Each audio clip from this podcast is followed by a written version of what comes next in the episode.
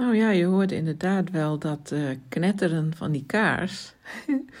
het klinkt een beetje als een uh, knapperend haardvuurtje, dus dat is eigenlijk best wel gezellig. En uh, nou ja, wat mooi dat jij, wat jij zegt over dat je in die boodschap van Michael en Carolyn, dat je daar iets in terugzag van Alvin en jou. Ja, dat is ja, dat is wel heel bijzonder eigenlijk. Hè? En, en sowieso dat je hem mooi vond, daar ben ik blij om. Want ik vond hem ook heel, heel mooi. Ik vind het een heel uh, integere man.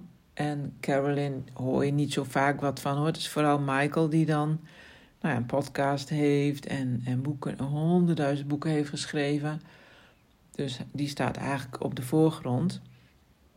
Maar ik vind hem heel eerlijk en ja, dat hij dat ook kan zeggen van ja, ik heb me vergist of ik dacht dat ik um, verder was dan dat ik ben en dat soort dingen. Ja, dat vind ik mooi. Dan, dan blijf je tenminste een, um, een normaal mens uh, van. En ik vond het ook leuk om te horen dat jij, uh, wat jij zei over dat koor.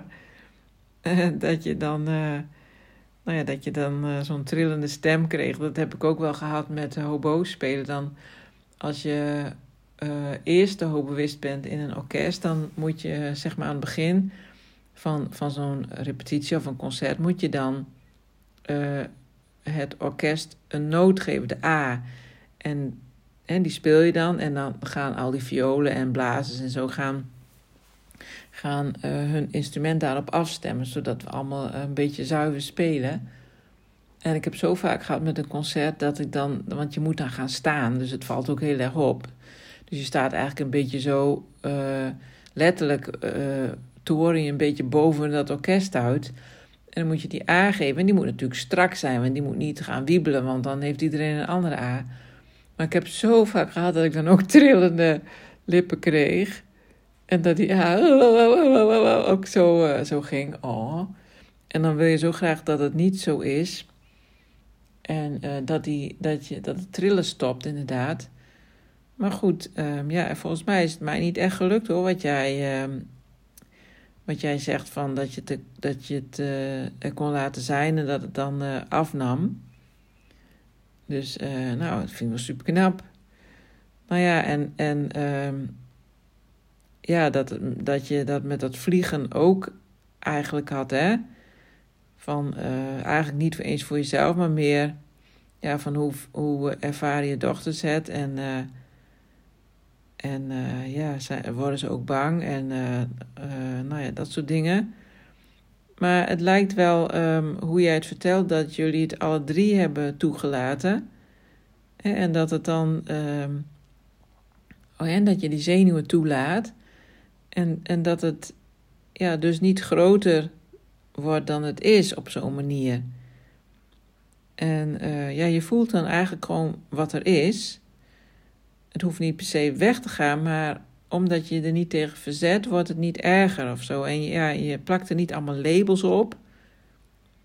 Of, uh, ja, of, of dat je er allemaal uh, ideeën uh, of betekenissen aan koppelt of zo.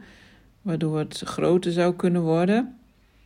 Ja, dat is eigenlijk wat ik een beetje ook zei. Van dan, is het dus, dan is het dus wel als je dat wel doet, dan is er wel angst voor de angst. Maar als je dat niet doet, dan is er geen angst voor de angst. En dan is angst gewoon een, een ervaring of een, ja, een sensatie in je lichaam die je waarneemt. En dan, uh, ja, dan is het er gewoon even en dan zakt het ook vanzelf alweer. Nou ja, voordat je zover bent, dat is natuurlijk een hele kunst. Want, nou, ik denk dat ik dat wel eens heb dat me dat lukt. Maar ook heel vaak niet natuurlijk. Ja. Maar goed, dat geeft niks. Hè? Je bent nooit, uh, je bent nooit klaar, zeg ik wel eens. Of zeggen heel veel mensen denken, je bent nooit klaar. Dat hoeft ook niet. Je hoeft niks te behalen volgens mij. Je hoeft niks, uh, er is geen einddoel of zo. Tenminste, dat denk ik niet. Ik moet er ook niet aan denken dat dat er was, want dan word ik alweer zenuwachtig. maar goed, uh, nou ja. Dus uh, dat was even een uh, reactie op op jouw laatste berichtje.